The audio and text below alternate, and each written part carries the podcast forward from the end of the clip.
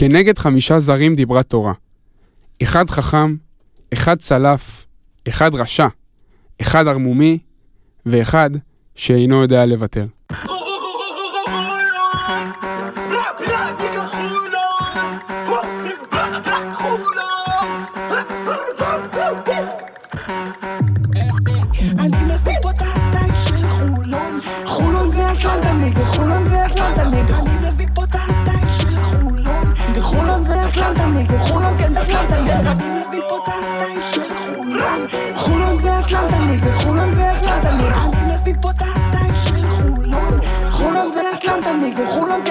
כן יום ראשון, 7 בפברואר 2021, פודקאסט הכל סגול פותח את פרק 19 באווירה של געגוע. מזמן לא היינו באולפן, ומהבוקר אין גם סגר, שזו בכלל ברכה. אמ, אז שבועיים בערך לא היינו פה. תקופות מבחנים, בלאגנים, כן ליגה, כן גביע, הגרלות BCL, זומים, היה המון אה, אקשן. פרק 19 הוא פרק עמוס מאוד, עם הרבה התרחשויות ודיונים מעניינים של השבועות שעברו על הקבוצה, במיוחד מבט קדימה לשבוע הקריטי שלפנינו. אז יאללה, בוא נתחיל. אה, סתיו טבוך, איך אתה? אני מעולה, מה שלומכם? וואלה, בסדר גמור, מאיר, איך אתה? אמ, אני אחזור קצת למקורות ואגיד סביר. כן? כן. התגעגעתי לכיסא? לא. טוב, אז אני רק לפני שמתחילים, אה, שאלה. אה, בהגדה של פסח אנחנו כל שנה קוראים אה, שכנגד חמישה זרים דיברה תורה. אתם יכולים לנחש רגע על איזה זר, כאילו, על איזה זר מדובר בכל דבר? אז הצלף הוא זה הח- איזה המיילס. יפה, הצלף זה זה איזה... שאינו יודע לוותר זה קריס. קריס ג'ונסון, יפה. יש לך- מה- מה היה שמות? יש לך עוד לנו. חכם, רשע, סי.ג'יי? חכם? חכם, מי זה החכם? סי.ג'יי? הופה, אה, מתקשים. אה, מקסים. מקסים. מקסים זה החכם, יפה. מי הוא הערמומי? אה, סי.ג'יי? יפה. מי הוא הרשע? ולמה? מי הוא למה- הרשע? למה- למה מגי? אה, מ- מגיעו הרשע... שמע, חשבתי על זה שכתבתי את הקדימון הזה, הוא לא בן אדם רשע. כבן אדם הוא ההפך הגמור מרשע. ראית איזה- פרחים הוא הביא לחברה שלו השבוע? הפרחים, בטח, של... הפרחים, בן אדם רומנטיקן, והבן אדם אה, ישב פה, שר שוהם שעשה איתו רעיון, סיפר איזה בן אדם. שעוד שבועיים גם ככה יש לו יום אבל. כשחקן כדורסל הוא שחקן רשע. למה? הוא ידפוק לך את הדנק על הראש. הוא ייקח את הריבאונד הבלתי אפשרי שלא ציפית, יש לו רוע במשחק, הוא ידפוק את הסנפק המטורף הזה ש... בקטע טוב. ברור, ברור, אה, אוקיי. רשע בקטע טוב. אוקיי, אוקיי. אבל הוא רשע לגמרי. טוב, אז חבר'ה, אה, שלוש ארבע ולעבודה, אה, לפני שאנחנו מתחילים, נדבר על אירופה ונדבר גביע ונדבר הכל, נדבר אה, על, על הקמפיין הגיוס החדש ויעלו שני אורחים אה, מעניינים בפלאפון לשפוך לנו אור על מה שקורה סביב הקבוצה, לא לפני פינת העדכונים. קודם כל עדכון ראשון, אה, שיתוף פעולה חדש בין פודקאסט הכל סגול לבין קלמי ישראל, אה, המלבישה הרשמית של הפועל עם נט קרדיט חולון, אני מאמין שרובכם אה, ורוב המאזינים שלנו כבר נחשפו, אנחנו שמחים להודיע על שיתוף הפעולה בין הפודקאסט לבין המלבישה הרשמית. את הסנונית הראשונה של שיתוף הפעולה חשפנו ביום חמישי עם ההגרלה הבלעדית בעמוד הפייסבוק שלנו, אז למי שלא ראה עדיין, סך הכל לייק, תגובה ושיתוף. ואנחנו נגריל בהמשך השבוע אה, סט אירופה מלא, מכנס וגופייה עם הדפס שם ומספר מתנת קלמה.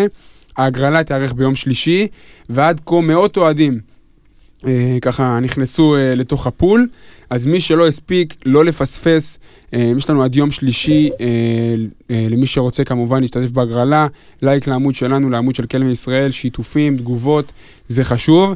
ובנוסף, ובלעדי למאזיני פודקאסט הכל סגול, בהמשך היום אנחנו נחשוף הטבה משמעותית נוספת אה, כחלק משיתוף הפעולה, אז תהיו קשובים אה, וערניים ברשתות החברתיות, בטלגרם, בפייסבוק זה יכלול ובטוויטר. את הקלמה הלבן? אה, הג'קט של ויקטור, אנחנו במשא ומתן. אבל- מקווה שזה ייכנס. אבל ג'קט של ויקטור הוא, הוא נכס, הוא נכס משמעותי. מה זה, זה... אתה יודע, אבל כבר יש ש- שמות חדשים למוצרים. כן, נגיד צריך- לנו ה hoodie של דדס זה hoodie דדס. הודי דדס, ג'קט ויקטור, לא משנה. אה, אז אה, כן, אז אה, בהמשך היום נפרסם הטבה נוספת למאזינים שלנו, אה, וכמובן שאנחנו שמחים. עדכון נוסף כמובן, סטפנוס דדס, הארכת חוזה עד קיץ 20 2022. אנחנו כמובן נקדיש לנושא דיון שלם. אין מנוס מלהגיד כבר עכשיו, לפני שאנחנו מפתחים את הדיון, שזאת אחת ההחלטות הקריטיות של העונה. אה, וכמובן, אה, הנושא שעומד אה, ככה במרכז סדר היום של הפועל חולון, קמפיין מימון ההמונים. ביום שישי המועדון פצח בקמפיין מימון המונים במטרה לממן רישום חמישה זרים לקראת הקרב בחצי גמר הגביע.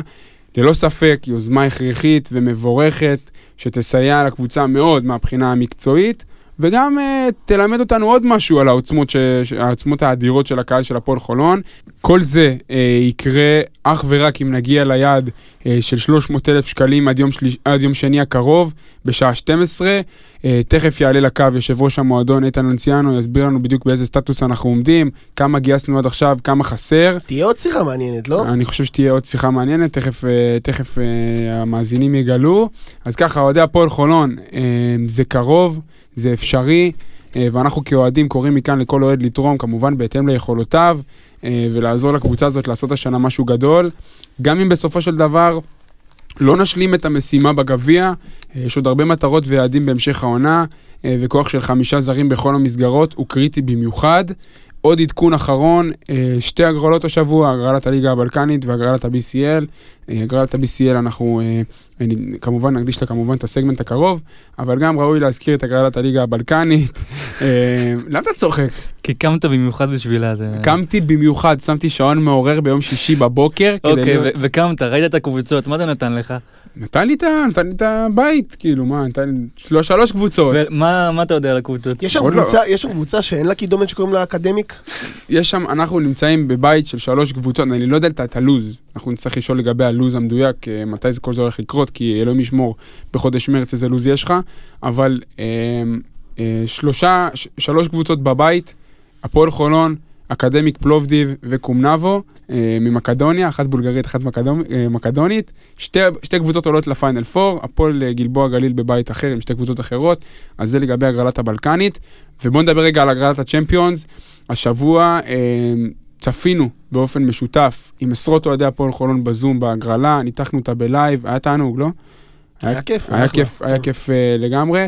אה, גם אה, בימים, אם זה היה לפני יומיים, אני לא טועה, פורסם הלו"ז המדויק אה, של המשחקים, הולך להיות חודש מרץ מהגיהנום, כאילו מבחינת עומס. לא מקנא בשחקנים, לא מקנא בצוות, זה הולך להיות שני משחקים בשבוע. אה, אז בוא רגע, בוא נדבר על תוצאות הגרלת אבוך. אה, קרשיאקה, טופש בורסה אה, וברינדי- וברינדיזי. לא לא טבוך, הנביא טבוך. הנביא. כן, זה נשמע לי מוכר הבית הזה. תגיד, מה מה עבר לך בראש?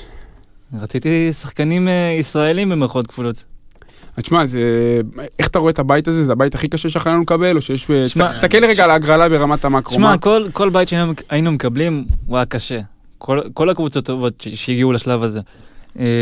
כמובן שלקבל את קרשיאקה מהדרג השני זה לא מה שהכי רצינו, אבל אנחנו יכולים לעבור כל בית אני לפי דעתי. אני אסכם את מה שסתיו אומר, לדעתי קיבלנו, קיבלנו בית קשה, אבל היינו יכולים לקבל בית יותר קשה, שהוא? ובמקביל היינו יכולים לקבל בית שהוא יותר קל. אז קיבלנו בית אמצע פלוס, נקרא לזה. אמצע פלוס, אני גם נזהר ב... ב... בוא, טופש זו קבוצה טובה, אבל... אנחנו יכולים לנצח כל קבוצה, אפשר לפי לנצח את דעתי... טופש, אפשר לנצח את ברינדזי, אפשר לנצח גם את אה, קרשיאקה. אני, אני הסתכלתי, אני ב- בטור שהעליתי ב, אצלנו בעמוד, שמנו לב שבהגרלה קיבלנו שני בתים עם מאבק מרובע, שזה הבית שלנו, והבית של אה, ססרי, במברג, נימבורג, אה, ומי עוד יש שם? שכחתי. אה, ויש שם, ועוד שתי בתים שהם שתי בתים קוטביים, עם שתי פייבוריטיות ברורות, במיוחד הבית של טנריפה, בורגוס, איגוקיה וריגה, שזה בית זה כאילו... בית גמור לפי זה. בית שנגמר לפני שהתחיל. אבל מעניין מי תסיים ראשונה שם, זה מאוד משמעותי. זה, משמעות, זה משמעותי לפיינל 8, אבל כאילו, אתה שואל אותי, יש לי כבר כאילו... אי- אני לא רואה תסריט שבורגוס עולה לפיינל 8 ולא מארחת אותו, אוקיי? אז כנראה שהיא תארח את הפיינל 8 לפי מה שאני מעריך, לא אומר את זה מידיעה, אז הסיפור שם כזה לא כזה משנה. אבל, עוד פעם, אם אנחנו בבית שהוא בית מרובע טאבוך, זה אומר שכל הקבוצות רואות את עצמן מועמדות לעלייה, זה אומר שכל הקבוצות פה יבטלו את עצמן, ועוד משהו, טאבוך לגבי הלוז, המשחק הראשון שלנו נגד ברינדיזי, אם אני לא טועה, בבית. וזה טוב שקיבלנו משחק ראשון נגד משחק ברינדיזי. נגד דיאנג'לו אריסון, לא לא, בטוח שישחק, יש לו פציעה אה, שתשבית אותו קרוב לחודש, זה אנחנו יודעים. אז uh, הבית שקיבלנו הוא בית לא פשוט, פרנצ'ייזים גדולים, כמובן שאני כתבתי גם בטור, בעולם עם קהל, זה 4,000 איש בכל משחק לפחות, זה אווירה חמה, אנשים מוכרים. איך אתם רואים אותנו מתמודדים בבית הזה? תנו הערכה לפני שכמובן, לפני המשחקים עצמם, אנחנו ננתח לעומק אה, בדיוק אה, כל יריבה, וניתן את- הניתוחים האלה בהרחבה, אבל עכשיו ככה על קצה המזלג, מאיר, איך אתה רואה אותנו מתמודדים בבית הזה? איפה אתה רואה אותנו מסיימים בגדול? אז כמו שאמרתי מקודם, אמ, אפשר לנצח כל קבוצה, גם בבית, גם בחוץ, בטח אה, בעולם בלי קהל. אה, איפה אני רואה אותנו מסיימים? אה, שאלה מעניינת. אני חושב שאפשר להפיל מהבית, אני גם חושב שאיכשהו עם הקבוצה הזאת זה גם יקרה. לא מהמקום הראשון, אני רואה אותנו מסיימים במקום השני. אני לא מבזבז את כל הנבואות שלי פרק אחרי פרק, מצטער. נגיע לא לגשר, נחצה מתבייש? אותו. אתה לא מתבייש? יושבת פה, ניבאת פה את הבית במדויק, אתה לא רוצה לתת לי... שמע, אני לא בא בהצהרה, עכשיו אני מביא נבואה. אני מביא לא, אותה לא כזה. זה- בעקיפין. לא, לא, אבל זה לא הצהרה. זה לא לא לא נבואה, זה לא- הערכה. זה הערכה ברמה- לפי ה- אוקיי, ברמה אוקיי. המקצועית. אני- מה שאתה- רואה מהקבוצה לעומת ה- אני הקבוצות אני. מאיר, אנחנו עולים מהמקום השני. אז אני אומר שאנחנו ניאבק עד המחזור האחרון על המקום השני, אנחנו נזוז בין 2 ל-3. אני חושב ש... שטופש תהיה נקודת התורפה בבית הזה, היא קבוצה מאוד מאוד מוכשרת, אני לא חושב שיש שם בעיות. אמ, קבוצת התקפה מאוד טובה. קבוצה, קבוצת התקפה מצוינת, אמרתי, יש להם המון כישרון. אני חושב שיש להם קצת בעיות בכל מיני נושאים של הגנה וכליאה, אבל עזוב, כמו שאמרתי, אנחנו נפרק לגורמים. כל יריבה, נתכונן אליה כמו שצריך. עכשיו אה, ככה על קצה המזלג, אה, אנחנו מקווים כמובן ש, שאנחנו נעפיל מהבית הזה ונעשה הישג היסטורי. אה, עוד פעם, כל הלו"ז נמצא בטלגרם וגם בערוצים הרשמיים של המועדון, ובואו נתקדם רגע לעלילות אה, ליגת ווינרסל. אנחנו אחרי שבועיים, חמישה משחקים מאז המשחק בשולה. הפועל חיפה הפסד בחוץ, עירוני נהריה והרצליה, שתי ניצחונות, נהריה בבית, הרצליה בחוץ, נס ציונה הפסד בית ואילת ניצחון חוץ. אנחנו לא כמובן נסכם עכשיו כל משחק לגופו, אבל יש פה חמישה משחקים ברצף בליגה, משהו שלא היה לנו המון המון זמן. דברו איתי קצת מקצועית, באופן כללי, גם על הסגל, גם על המצב שבו אנחנו נמצאים. אנחנו נמצאים במקום השישי בליגה, אה, במאזן 8-5. להגיד לכם שזה אופטימלי, זה לא אופטימלי. יש עוד הרבה זמן אבל. יש עוד הרבה זמן, אבל אני כתבתי גם, כאילו דיברנו על זה בטוויטר, שיש לך את הגיבנת הזאת של שלושה הפסדים רצופים בתחילת העונה, שאתה חייב לתת push בליגה בלי... כן, וכבר כתבתי פעם באחד הפרי גיימים שלי, שיש שני סיבובים בלבד העונה, בנוגד לעונות קודמות, אז אה, יש יותר מאבק להיכנס ל... ואז יש פלייאוף עליון ותחתון, שבפלייאוף עליון שש קבוצות. אז יש מאבק יותר חשוב, כל משחק יותר חשוב מעונות קודמות, בוא נגיד את זה ככה. על אחת כמה וכמה בגלל הגיבנת שסחבנו מתחילת העונה. אז כל אחד תנו לי תובנות כלליות מה- מהשבועיים האלה שעברו על המועדון ברמת המשחקי ליגה. מאיר, נתחיל איתך. אז uh, אני מתחבר למה שסתיו אמר כרגע. Uh, נכון, כל משחק חשוב, אבל אין צורך להתרגש מההפסדים האחרונים. הם הגיעו אחרי ירידת מתח uh, אדירה, ובשום משחק לא קרה משהו שהוא נורא. זאת אומרת, לא, אתה לא רואה משחקים סטייל uh, 2000... uh, טרחה. לא, אתה לא רואה משחקים סטייל אה, שרון דרוקר אה, מאמן את הפועל חולון, ששם אתה פתאום יכול לקבל 30 ומשחק אחר לנצח ב-15. זה לא קורה, אתה רואה רמה אה, שהיא ידועה מראש, אוקיי, אתה מגיע לאותו, לאותו תבנית, אותה תבנית משחק, אתה משחק את המשחק שלך, וזה בסדר, כאילו אפשר גם להפסיד, אתה לא הפסדת לקבוצות אה, חלשות, הפסדת לקבוצה, נגיד כמו הפועל חיפה, שניצחה השבוע את ירושלים, אחלה קבוצה. אה, ניצחת, אה, הפסדת לנס ציונה, שהיא עוד פעם קבוצה חדשה לגמרי וקבוצה מפוצצת בכישרון. אה, וכמו שאפשר לדבר גם על אלה, אפשר לדבר גם על- על אתמול, ש- על אה, הנסיעה לאילת. חמש שעות נסיעה לאילת. ואתה עולה, ואתה בוא, כאילו, עזוב את התוצאה שנגמרה בסוף, אתה היית יותר טוב מהם בפער. אז אפשר גם לדבר על הדברים האלה.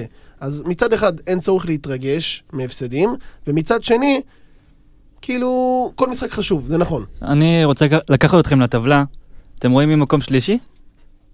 אה, לא, תגיד לנו אתה, כי אתה רואה. גלבוע גליל. יפה. רגע, מה היה התחזית שלך בתחילת העונה? מקום שלישי. מקום שלישי? בוא נראה אבל זה לא יישאר- ככה. לדעתי זה לא יישאר. לא יודע אם זה יישאר עד הסוף, אבל... אני חושב שכן. אבל עזוב רגע את גלבוע גליל, לגבי אתמול, בוא נפתח רגע נקודה קצרה לגבי אתמול. משחק מעצבן. כאילו, משחק שמההתחלה שלו ועד הסוף רציתי שיגמר. כן, לא היה זה היה- לא היה לי כוח למשחק הזה, זה נשבע לך. של בוא- בוא בוא נסיים בוא ונלך. נסיים עם זה, בוא נלך, כאילו... ועשו כאילו- את זה כמו שצריך. כאילו, טוב מאוד שעשו את זה, ואנשים קצת התרגשו מהריצה של אילת בסוף, כאילו, רבאק, עזבו אותנו, אין לנו כוח לנסוע לאילת, בוא נסיים את המשחק הזה, נסמן וי. שגם הפועל אילת וגם אה, הפועל באר שבע, שפיטי ת- תרד למאבקים- מאבקי ירידה, יש להם את היכולת לעשות ריצה תוך שתי דקות של אה, 15-16-0 בזכות הלחץ שלהם בגלל. הלחץ? כן. זה שתי הקבוצות שלחצות לכל המגרש הכי טוב בליגה לפי דעתי. אתמול ראינו את מגי אה, נותן אה, 16 נקודות ב-17 דקות, אה, מאוד מאוד משמעותי בהתקפה. עוד נקודה מעניינת, אה, זה שאתה מסתכל על נהריה והרצליה, שהן כן קבוצות יחסית חלשות אה, בפער משאר הליגה, אבל אתה רואה שהן משחקות נגד הפועל חולון, הם אפילו לא באותו אזור חיוג של הפועל חולון. שזה משהו שהוא, שהוא קרה בעונה של אה, דן שמיר עם שון ג'ונס ודריון אטקינס, שכל משחק כזה, זה כאילו היה ידוע מראש הפועל חולון תנצח אותו כי היא ברמה מעל. וזה גם משהו שהיה חסר שנה שעברה. יש לי שאלה. למי זרים יותר טובים, לאילת או לנס ציונה? לנס ציונה. נס ציונה. ברור נכון? שנס ציונה, נס ציונה. ברור. לא, גם אילת לא... לא, פראיירים. אני חושב שזה- די ברור. אני- באופן אישי לא חלק מההילולה והשמחה והששון סביב ג'וש ניבו. אני לא מחזיק ממנו, כאילו, בן אדם- הוא כמובן פיזי, אתלט, אבל אני לא נמשך לזן הזה של הסנטרים, זה לא מה שמדבר אליי, אוקיי? אולי מסינה ראה משהו אחר שאני לא רואה, אבל, אה, אבל אני פחות, אה, אני פחות מחזיק ממנו, אני חושב שברמת הסנטרים אני מאוד, יותר מחזיק מג'רום יאנסי, שנגיד נמצא בנס ציונה, וראינו השבוע אה, שיש להם זרים מאוד מאוד איכותיים וכישרוניים. אני רוצה רגע... ג'רום לקחת- מיינסי, רק שתדעו, הוא אחד הווינרים. כל קבוצה שהוא הגיע אליה, הוא היה במאבקי אליפות וצמרת, אז אה, זה נראה לי ערך מוסף שהוא מוסיף להם, אז, האופי שלו. אז, אז הפועל חולון צריכה לדעת, אה, אה, כי אני חושב שבליגה בליגה הזאת, כבר ראינו את זה בשבועיים האחרונים, יש סוסים שחורים תקופתיים. מה הכוונה? פתאום אילת תופסת תקופה, דופקת שבעה ניצחונות. פתאום עכשיו נס ציונה דווקא נסעה לבועה בפולין, חזרה, תהיה סוס השחור של הליגה. הפועל חיפה, סוס השחור לאורך תקופה. כל פעם יש איזה סוס שחור לאיזה חודש, לאיזה תקופה שהם מחברים streak של ניצחונות, ואתה כמועדון גדול ששואף להיות בצמרת, צריך לדעת להכיל את הסטריקים האלה ולשמור על יציבות. אז גם אם זה אומר, כמו שאמרת, לא להתרגש, גם אם זה אומר נפילה מול נס ציונה, נפילה מול חיפה, הכל בסדר. תרשו לי רגע אה, לקחת את התובנה שלי, לספר לכם על התובנה שלי מהשבועיים האחרונים. היא תהיה תובנה מקצועית יותר ברמת המיקרו. אני רוצה לדבר על היוזאג' אה, של האיזיה מיילס ברבע הראשון, כנקודה קריטית לכניסה שלו למשחק, ואני אסביר. אה, למה, למה אני חושב שזה נושא שזה עלה לי? כי כל החוסר יציבות הזאת של, החוסר יציבות הזה של האיזיה מיילס, זה משהו שאנחנו רואים מתחילת העונה, והוא היה ברור בשבועיים האלה. למה? כי הוא נתן בהפועל חיפה את המשחק השני הכי גרוע לשחקן הפועל חולון אה, בעשור האחרון, לפי מה שגיל כהן פרסם מבחינת המדד, אם אני זוכר נכון. אה, כמובן מוזמן אה, לתקן אותי אם אני לא מדייק. ואז, אחרי זה, נהריה, אחרי זה משחק טוב נגד נס ציונה, אה, הרצליה היה אפקטיבי. אז אני רציתי לשאול את עצמי שאלה, והלכתי לבדוק את זה כמובן, מה משפיע לי על איך אני יכול לנבא את היכולת של איזיה מיילס במשחק. איך הפועל חולון יכולה אה, לצמצם את האפשרות שהוא ילך ככה לאיבוד, כמו שהוא הלך נגד הפועל חיפה. אז אני בדקתי איזה משהו, אה, ורציתי, ורציתי להעלות אותו לדיון, טאבוך, תגיד לי מה דעתך, אה, כמובן גם מאיר, כמות הזריקות שאיזיה מיילס לוקח ברבע הראשון. הטענה שלי היא כזאתי, ככל שמשתמשים באיזיה מיילס יותר במהלך הרבע הראשון, ככה הסיכוי שלך לקבל ממנו תפוקה לאורך רוב המשחק עולה. אם אתה מנסה להכניס אותו למשחק רבע שני, רבע שלישי, הלך, הוא לא ייכנס. איך אני ראיתי את זה בנתונים מהשבועיים האחרונים? בוא נראה. כמובן שזה מתקשר לנתון הסטטיסטי של usage, אבל לא בדקתי usage נטו, כי לא היה לי את הפלטפורמה לבדוק דרכו את ה usage, ואני חושב שזה אה, קצת, אה, קצת, לא, לא הצלחתי להגיע לנתון הזה, אבל בוא נראה גם מבחינת, מבחינת זריקות. הפועל חיפה, בחוץ. מאיר, מפסידים, 0 נקודות, מסיים עם מדד מינוס 8. כמה זריקות לקח ברבע הראשון? נו, זריקה אחת בשלוש וחצי דקות, אוקיי. אוקיי? הוא, הוא לוקח בממוצע, חשוב להזכיר, 8.9 זריקות למשחק. בוא נראה כמה הוא לוקח ברבע הראשון. אז ברבע הראשון בהפועל חיפה הוא לקח זריקה אחת בשלוש וחצי דקות. הוא לא פתח בחמישייה, אבל. אה, לא פתח בחמישייה. וזה גם קריטי. וזה גם קריטי וזה חשוב, כי זה... מר- כי... אני, רגע, לפני שאתה ממשיך, דווקא לי זכורים הרבה מאוד משחקים שמיילס לא הגיע בכלל בחצי הראשון, ובחצי השני שינה את המשחק אז, אז. אני חושב אנחנו ש... מדברים על השבועיים האחרונים. אנחנו מדברים על השבועיים רק על השבועיים האחרונים. האחרונים? לא, אנחנו מדברים גם על השבועיים האחרונים, וגם משהו שאני חושב שאני זוכר, נראה לי שאתה מדבר על המשחק מול מינסק בחוץ, לא רק. שהוא נתן שם כמה שלושות ברבע השלישי. אני אומר שאתה, כמובן שיש יוצאים מן הכלל, אבל ככלל, כדי להרוויח ממנו תפוקה, סטפנוס דדס חייב ללכת לסטים התקפיים שמערבים אותו ברבע הראשון. שים לב למשחק אה, נהריה ונס ציונה, שתי משחקים מצוינים שלו. נגד נס ציונה 19 נקודות, 6 ריבאונדים, מדד 15. נגד נהריה התפוצצות של 31 נקודות, מדד 31. בשני המשחקים הוא לקח כמעט 5 זריקות ברבע, אה, לקח 5 זריקות ברבע הראשון. אה, במשחק נגד נס ציונה זה היה בשמונה וחצי דקות. מערבים אותו בחמישה פוזיישנים שבסוף הכדור הולך אליו. כמובן יש עוד פוזיישנים שבהם הוא מאבד, חוטף, לוקח ריבאונד, זה, זה מה שנקרא ביוזג' ולא, ולא, ולא הכללתי את זה, אבל כשהכדור הולך אליו, שימו לב, גם נגד אילת, אה, אתמול, לא נתן משחק גדול, תשע נקודות, אה, מדד שמונה, זריקה אחת ברבע הראשון, אתה מבין?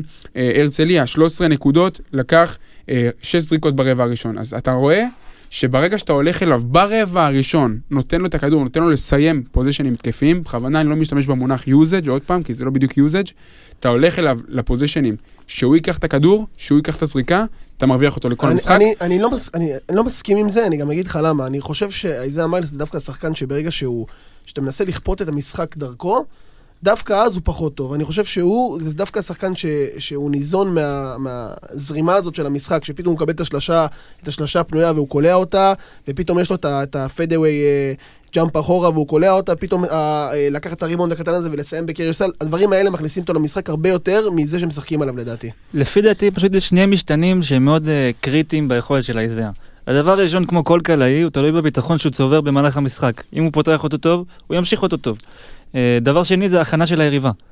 נניח עירוני נהריה, זה היה מחפיר איך שהם התכוננו לאיזאה מיילס. עשינו שם אמרים על ימין ועל שמאל והם לא היו מוכנים לזה. זה, זה, זה באמת, אני לא, לא הצלחתי להבין את זה. אז אני, אז אני חושב שאני אני לא מסכים עם שניכם, אה, כאילו כל אחד בזה שלו, אני חושב שבגלל שהאיזאה מיילס אה, זה זר שיש אצלנו בסגל, שפחות מייצר לעצמו, שיותר חי ממה שהמשחק נותן לו. הוא זר שזר לזרים של הקבוצה. יפה, אה, טוב, יפה אמרת, זה לא כמו שחקן כמו מגי או סי.ג'י אריס שיקחו לך כדור מכלום ויעשו לך נקודות, הוא בן אדם שצריך שיבנו לו סטים התקפיים מסוימים, הוא בן אדם שצריך למצוא את הקליעות הפנויות, זה לא בן אדם שייקח לך כדור באחד על אחד וילך לטבעת, בגלל זה אתה חייב לה- להאכיל אותו, אתה חייב להזין אותו ברגע הראשון, אה, ולא בהכרח הוא חייב לקלוע את הזריקות, אני הוא פשוט חייב להרגיש, ככה אני טוען, זאת הטענה אני שלי. חושב שעושים את זה דווקא די טוב. אני, אני לא אומר שעושים את זה לא טוב, אני פשוט אומר שיש קשר בין מידת המעורבות שלו במשחק ההתקפה ברבע הראשון, לבין התפוקה ההתקפית שלו. בוא- לא משנה אם הוא מחטיא או קולע, הוא, הוא צריך להרגיש מעורב רוב- כדי בוא- להיות יעיל. אני אגיד לך ככה, אנחנו היינו במשחק נגד נס ציונה, והדבר הכי בולט שראיתי, שכל התקפה, אבל כל התקפה, דדס אומר למיילס איפה לעמוד. בדיוק אומר לו, תעמוד כאן, תעמוד כאן, תעמוד כאן. זה, זה סימן שהוא מבין את החשיבות שלו בהתקפה. הוא, קודם כל הוא מבין את החשיבות שלו בהתקפה, ואני רוצה שאתם תבינו את החשיבות, ואני אשאל אתכם שאלה, ככה לסיכום הסגמנט. אם איזאה מיילס טוב ביום חמישי, ובהנחה שיש חמישה זרים, והכל בסדר, והעולם, ויש שלום עולמי, אוקיי? כמה זה משמעותי ברור. לניצחון ברור. של הפועל חולון עם איזאה מיילס טוב, ואני מזכיר לכם שדווקא במשחקים האלה שההגנות הן טובות, כמו מכבי תל אביב והפועל ירושלים, מיילס עדיין לא התפוצץ. אני חושב שגם המשחק חוץ נגד מינסק, משחק בית נגד אייק, כך כל מיני נקודות קריטיות בעונה, הוא היה, הוא, הוא כמו שאמרתי בפרקים הקודמים, הוא האינדיקטור, הוא הבן אדם שמבחין בין הפסד לניצחון. כשהוא טוב, רוב הסיכויים שננצח, כשהוא לא טוב, אולי ננצח, אבל בסיכויים פחותים, הבנת? אפשר, אפשר לבדוק את זה בדיוק. אז, אז אה, טאבוך יבדוק לנו את זה בינתיים, ו, ואני חושב שעוד פעם, הקדשנו, הקדשנו דיון יפה לאיזאה, ככה, זה מה שאני חושב. אה, אני אסכם אותו, בסדר? סכם אותו את- ותן את גם את התובנה. שלך. בניצחונות הוא קולע, אני אגיד לך בדיוק, 11 וחצי נקודות, ובהפסדים הוא קולע יפה, יפה, יש לנו פה בממוצע בדיקה. למשחק. 8 נקודות למשחק. בממוצע למשחק. עם פחות מ-40 אחוז, ובניצחונות יש לו אחוזים דומים. טוב, אז אה, תן לי את התובנה שלך מהשבועיים האחרונים. אוקיי, שמתי לב לכמה דברים. אה, דבר ראשון, משהו סטטיסטי, ג'ונסון מחוץ לקשת בחמישה משחקים האחרונים 25 אחוזים, ולפני כן הוא היה עם 55 אחוזים. לא- ו- לא חושב שכל כך שמנו לב לזה, שזה נכון. עד כדי כך משמעותי, אבל אה, זה באמת אה, פער עצום. גם בנובמבר, אתה זוכר שאמרתי שהיה לו כן, שם יש מבט לו צורר ups בקליעה. and downs בנושא בקליעה. הקליעה, אלא אם כן הוא עומד בפינה. גם זה, אתה יודע מה, גם בזה יש לו ups אני. אני, אני אגיד משהו, ג'ונסון גם עם 0% משלוש צריך כן, להיות בקבוצה לא, הזאת. אף אחד לא אומר שהוא. צריך ללכת הביתה. אני לא מסתכל. בכלל על הדבר הזה. אף אחד לא, בטח שהם מסתכלים. הוא הוא טוב גם בלי לקרוא אף אחד לא לשלוש. שולח אותו הביתה, וכולם פה מחזיקים ממנו. פשוט צריך לשים לב לחוסר יציבות בקליעה, יש. חוסר יציבות וזה קצת מדאיג לקראת המשחק ביום חמישי. אה, דבר שני זה העומס בקו האחורי. מהרגע שיוגב חזר וגם האוול אה, נוסף לסגל, יש לנו גם את משגב, גם את ברנדמן וגם את יוגב שהם אה, רכזים ישראלים, ולא לכולם יש מקום. ברנדמן ומשגב שיחקו בשלושה משחקים מתוך החמישה, ויוגב רק בשניים. אני לא חושב שזה משהו שיעשה בעיה בחדר הלבשה, כי הם לא שחקנים כאלה, אבל... הם גם לא שחקנים בפרופיל שיעשו לך בעיה, נכון, כאילו. אולי- ברנדווין, אני לא, לא, לא יודע. אבל עדיין, זה לא משהו משמעותי כל כך, אבל שימו לב, זה... יש מעניין, לנו עומס מעניין, ללא שלא... ספק מעניין. שלא אה. לא הכרנו, בתחילת עונה אמרנו כמה חסר לנו העומק, ועכשיו יש לנו אפילו עומס יתר. אני חושב בגארדים. שדווקא נגד מכבי תל אביב, אנחנו כן נראה את הקרדיט מגיע ליוגב עם הניסיון אני והבנת. משחק. אה, לא אפסול גם את עודד. גם, האמת אני שעודד חושב שהוא מעולה. יעדיף את משגב לפני עודד. אנחנו ראינו את זה במשחקים חשובים. בוא נדבר רגע, ב- ב- ב- בוא- בוא בוא נסגור רגע את הנושא ברמת המקרו.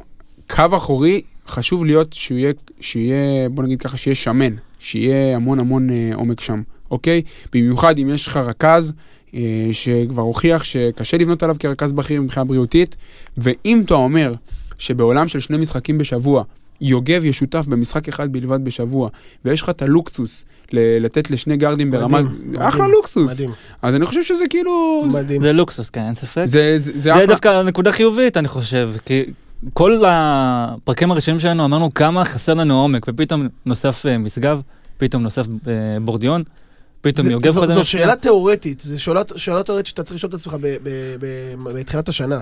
האם אתה מעדיף שיהיה לך שחקן אחד תותח, ואתה לוקח הימור, או שלושה שחקנים שהם סבבה, לא, זה תלוי בז- אחלה. תלוי בזרים. אחלה. כן אתה מדבר על אה, סגל ישראלי. לא, לא, אני מדבר על סגל ישראלי. נטו ישראלי. כאילו, אה. השאלה שלך אם נניח אתה מעדיף אה, יפתח זיו? זיו או משגב, ברנדון ויוגב. זהו, זו השאלה. ואני חושב שהאופציה השנייה, אצלי התשובה חד משמעית. משגב, ברנדון ויוגב. לא, אני באמת חושב שהאופציה השנייה, עוד פעם, יוגב זה שחקן בקנה מידה אפילו יותר יקר מיפתח זיו, צריך לומר לא, את זה. אנחנו לא מדברים כרגע על צריך לומר את כסף. זה, אנחנו צריכים- מדברים נטו על רמת כדורסל. אז יכול להיות שהעומק הוא שווה יותר לפעמים מה- מהאיכות. זאת אומרת, הכמות יותר מהאיכות, במקרה הזה, יכול להיות שזה באמת עדיף. ורגע, דבר אחרון, אה, ריצ'י האוול חזר מפציעה, Welcome back. Welcome back, אבל עדיין אה, רואים סימני חלודה, הוא לא אה, מרשים בינתיים, קצת יותר משלוש וחצי נקודות למשחק, קצת יותר משניים וחצי ריבאונדים ו-1.3 אסיסטים. זה טוב, לא, ראינו- לא ר- מספק עדיין. רצינו לסיים את הסגמנט הזה, אבל הוא ש- הוא העלה פה נושא מעניין. איך אתה רואה אותו משתלב עם... האם אתה רואה ביום חמישי הרכבים שלו ושל מקס ביחד על המגרש? אני חושב שכן. טוב, אז תלוי. סליחה. אה, בעצם לא. סליחה שפתחתי את זה, לא, לא, לא, תכף- לא, חכה. זה מעניין, אבל זה תלוי ב... עם חכה, חמישה זרים. חכה, אני אסכם את זה, רועי, אני אסכם את תכף זה. נגיע לסגמנט על מכבי. אני אני עשיתי בלאגן אני עליי. אסכם את זה, אנחנו לא נדבר על מכבי, אנחנו נדבר רק על ריצ'י האוול. אני חושב שעצם זה שיש לך את ה... כמו שאמרת מקודם, את הלוקסוס, להעלות עוד שחקן עם גוף גדול לחמישייה, כדי, אתה יודע, לתת למקסים לנוח, או בכלל לתת לאייזיה לנוח, זה כבר פריבילגיה שלא הייתה לך מתחילת העונה, ולמשחק מול מכבי זה מאוד משמעותי. אני חושב ש... רק סיכום, אני חושב שהם יכולים לשחק ביחד, גם מקסים וגם עוד הוואל. מישהו רוצה לסכם? כי אני חושב שסיכמנו כבר 18 פעמים היום. נראה לי שמספיק. מספיק. טוב, אז בואו נדבר על אה, בעצם המהלך המכריע שקרה השבוע. חשוב. הארכת חוזה של סטפנוס דדס. לשם כך, ביקשנו מיעקב מאיר, כתב ישראל היום, לעלות איתנו לשידור, וככה להרביץ תורה בנושא. אז יעקב, מה נשמע? אהלן חברים, לא, אני מקווה ש... שלא שומעים אותנו יותר מדי אנשים שלא ידעו, או שכבר יודעים, על ה... שהגעתם למשחק עם נס ציונה, ו... שמחנו לראות אותך, יעקב, שמחנו לראות אותך סוף סוף במציאות, ולא ולא על גבי הזום, מה שנקרא. הנה, גם אני, גם אני. אז, אה? אנחנו, בסדר גמור האמת, עכשיו שאתה איתנו עוד יותר טוב, וככה בוא, בוא נתחיל לדבר באמת בנושא. אז אה, ככה, דבר ראשון, דדס מעריך חוזה לעונה נוספת במועדון עד קיץ 2022. אה, אתה פרסמת ראשון כבר בחודש ינואר, אחרי המשחק מול שולה, שמתקיימים ככה המגעים בין המועדון לדדס. רצינו לשאול איז, איזה פרטים נוספים אתה יכול לתת לנו על, על החתימה, מעבר למה שפורסם, הנתונים היבשים. תראה, קודם, קודם כל, אני יכול להגיד לך שזה לפי, לפי מה שאני יודע, כבר, זה כבר היה כיוון של, גם של הקבוצה וגם של סטף עצמו, כבר כמה שבועות לפני המשחק עם שולה. זה היה הכיוון. ברור שיש השפעה על התוצאה של המשחק עם שולה, בכלל על העלייה, עלייה, בוא נגיד, נקרא לזה ההיסטורית בליגת האלופות. אבל זה מה שאתה אבל- אומר היה החותמת הסופית. כן, אבל זה לא שזה היה תלוי בזה. זה לא היה תלוי בזה. אוקיי. אה, אה, שני הצדדים רצו להמשיך, לא הסתירו את זה. יודע, לגבי החוזה, אני לא יודע להגיד מספרים מדויקים, וגם לא, אתה יודע, אפשר אפילו בערך אני לא יודע להגיד, אולי יש לכם שיודעים, אבל כן אני יודע, כן זה אומרים, שיש שדרוג בחוזה החדש, יש שדרוג יפה לעומת העונה הנוכחית, לעומת העונה שעברה. קודם כל זה, זה ברור שזה ראוי, אבל עוד פעם, חשוב נקודה מעניינת שהחבר אביב מלמד אה, פרסם גם בקבוצה של הפועל חולון, הקבוצה הסגורה, יעקב. הגישה של סטפנוס דטס שהוא בא, אה, היא גישה אה, שלא, בוא נגיד ככה, כורכת את המועדון אליו בחוזה ארוך טווח, הוא תמיד אמר, תנו לי את החוזה עד סוף, סוף העונה, ואם אני אהיה ראוי, אני אמשיך, והנה, אתה רואה, בזכות, ה, בזכות העבודה המקצועית שלו, אה, הוא, הוא זוכה להארכת החוזה הזאת, גם אם לא, גם אם היא לא הייתה ארוכת טווח מראש, אתה מבין מה אני אומר? אני מסכים, אני מסכים שזה- שיש בזה, יש בזה צד טוב. הוא אמר, תבחנו אה. אותי לפי הקטע המקצועי, עזבו אותי מהקטע החוזי. אם אני אהיה טוב, אני אשאר. נכון, נכון, אבל יש פה עוד משהו שאני מאמין שאנחנו ניגע בו בהמשך, שכן צריך לדעת לעשות את השילוב הזה. מצד אחד, אוקיי, בוא נחתום לעונה אחת כל פעם, אבל בשלב הראשוני שאנחנו כבר יודעים, ברגע שיודעים שרוצים להמשיך, צריך להאריך את זה כדי שיהיה, כמו שעשו עכשיו, כדי שיהיה אפשר כבר להתחיל לחשוב ולתכנן את ה... את העונה הבאה. אז בדיוק. לפעמים אתה מחכה לקיץ, זה בעיה. אז, אז, אז זאת נקודה שבדיוק אנחנו ניגע בה בהמשך, אבל לפני כן, יעקב, עוד, אה, עוד זווית אחת שאנחנו פה בצוות חשבנו ש, שראוי לתת לה מקום, עניין התזמון. אה, ההודעה על ההחתמה של סטף אה, יצאה יום אחרי ההפסד בנס ציונה, שבוע לפני חצי גמר גביע המדינה, חודש לפני שלב הבא ב-BCL. לדעתי, באופן אישי, העניין של התזמון פה הוא חשוב, הוא משמעותי, יש לו השלכות להמשך העונה של הקבוצה, וגם הוא מעביר מסר, שיום אחרי הפסד, אנחנו לא פרנצ'ייז שמסתכל בטווח הקצר, בטווח של ההפסד הבודד פה בליגה, אנחנו רואים את עצמנו לארו- אה, בצורה ארוכת טווח עם, ה- עם המאמן הזה. איך אתה רואה את עניין התזמון, והאם דעתך הוא בכלל קריטי, או שאני סתם, אתה יודע, אני סתם מפריז? תראה, אני לא אוהב להיות אה, משבית שמחות, אבל, אה, אבל הם תכננו, אני חושב, אם אני לא טועה, החתימה הייתה עוד בלילה מיד אחרי המשחק עם נס כן, ציונה. כן, הבנו את זה לפי התמונה. ו... ו... אני, זה, היה התכנון, לא משנה מה התוצאה. זאת אומרת, הקטע הזה עם ההפסד פה, זה, אני לא, לא רואה פה, לא רואה פה איזשהו, איזשהו סיפור. גם אם היו מנצחים, גם, וגם אחרי הפסד, תכננו שהם אה, חותמים איתו, מסתף. אה, כן, אני חושב שכן, כן יש פה דיון, דיון אה, עמוק ב, לגבי הערכות חוזים בכלל. תמיד, תמיד לקבוצות, ואני מדבר עם קבוצות, ועכשיו אני שואל, וראינו שהפועל תל אביב עכשיו הש- אה, אה, האריכו חוזה לטוקוטו, אה, תמיד יש התלבטות מתי להאריך חוזים. כמובן לשחקנים, או גם במקרה הזה למאמן, שחקנים שאתה רוצה להשאיר אותם. מצד אחד, אם יש מישהו שהוא, שהוא טוב, אתה רוצה שימשיך, אז לכאורה כדאי להחתים מוקדם, כי אם הוא טוב, אז כנראה שגם קבוצות אחרות ישימו עליו עין, ואם אתה תחכה יותר מדי, אז אתה אז. המחיר שלו יעלה. מצד שני, וזה באמת אה, שיח- בשיחות עם מנהלים מקצועיים, עם, עם מקבלי החלטות בקבוצות, מצד שני, לפעמים משא ומתן אה, בשלב מוקדם יכול לגרום כמה דברים שהם פחות חיובים. למשל, יכול, תחשוב שאתה עושה עכשיו משא ומתן עם איזשהו שחקן, וזה לא צולח. מעכיר לא את. האווירה.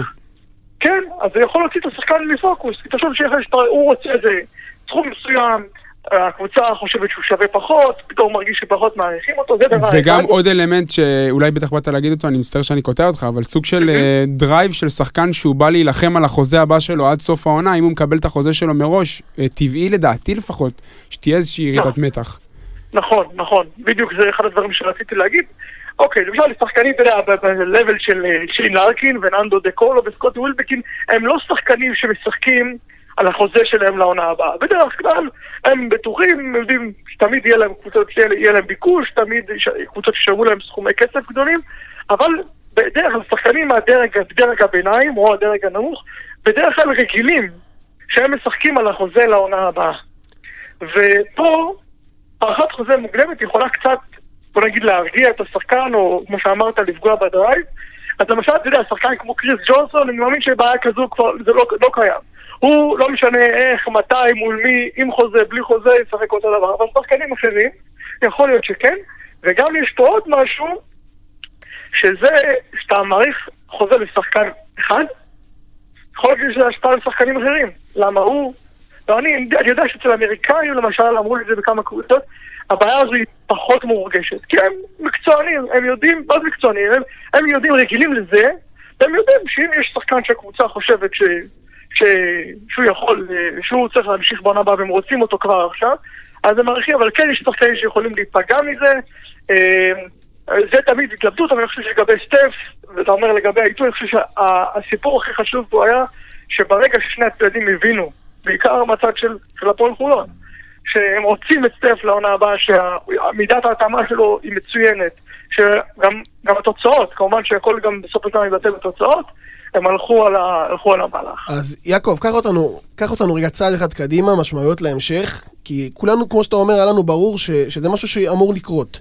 עכשיו ברמת הארגון, מה המשמעויות של החתימה הזאת, הארכת החוזה, איך זה משפיע עכשיו, או ישפיע על קבלת ההחלטות המקצועיות בעתיד, אה, איזה אפקט זה אמור לתת? אה, אני חושב שבקבוצה כמו הפועל חולון של המאמן, יש חופש מקצועי מאוד מאוד גדול בבניית הקבוצה, בבניית הסגל, בלהביא שחקנים, בלהחליט אם להשאיר, את מי להשאיר, אז, אז אה, זה בטח, זה בטח יש לזה השפעה גדולה מאוד להארכת חוזה הזו, לה- להמשכיות, אה, כי תחשוב שאם קבוצה, ולצערנו, ב- בישראל רוב הקבוצות, רוב הקבוצות הן קבוצות שמתחילות לחשוב על העונה הבאה בשלב מאוד מאוד מאוחר. חיות מהרגע להרגע.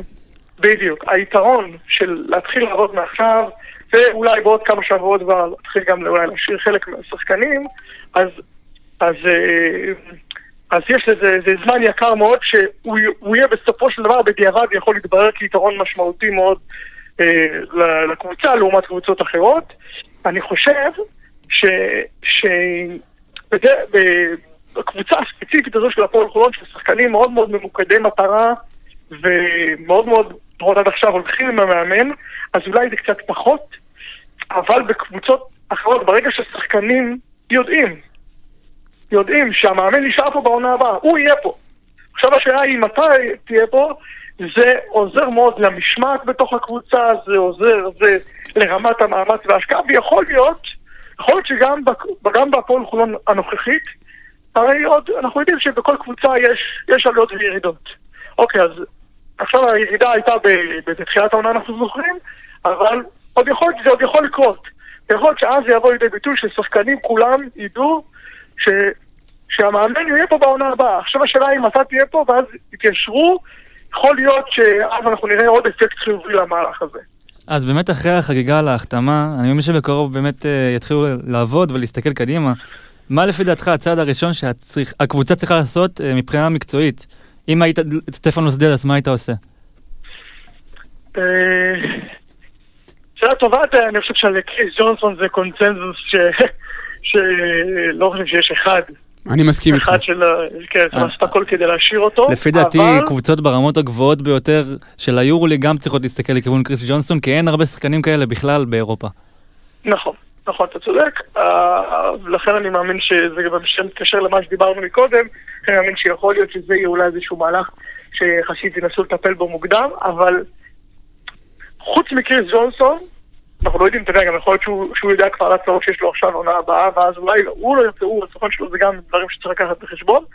אני הייתי הולך דווקא על, על הסגל הישראלי. זאת אומרת, אני מאמין שבעונה הבאה, מאמין וגם שומע, בעונה הבאה הפועל חולון תרשום חמישה זרים, ישלמו, יחשיבו את הקנס כבר בעוגת התקציב כבר בקיץ. נראה לי זה יהיה תלוי ידעו. במיקום שאנחנו נסיים העונה, כי אם אנחנו שנה הבאה לא נהיה באירופה, אז כבר ילכו על ארבעה זרים. אז אני מאמין שהפועל חולון תהיה בעונה הבאה באירופה. לא, זה תלוי אבל במיקום.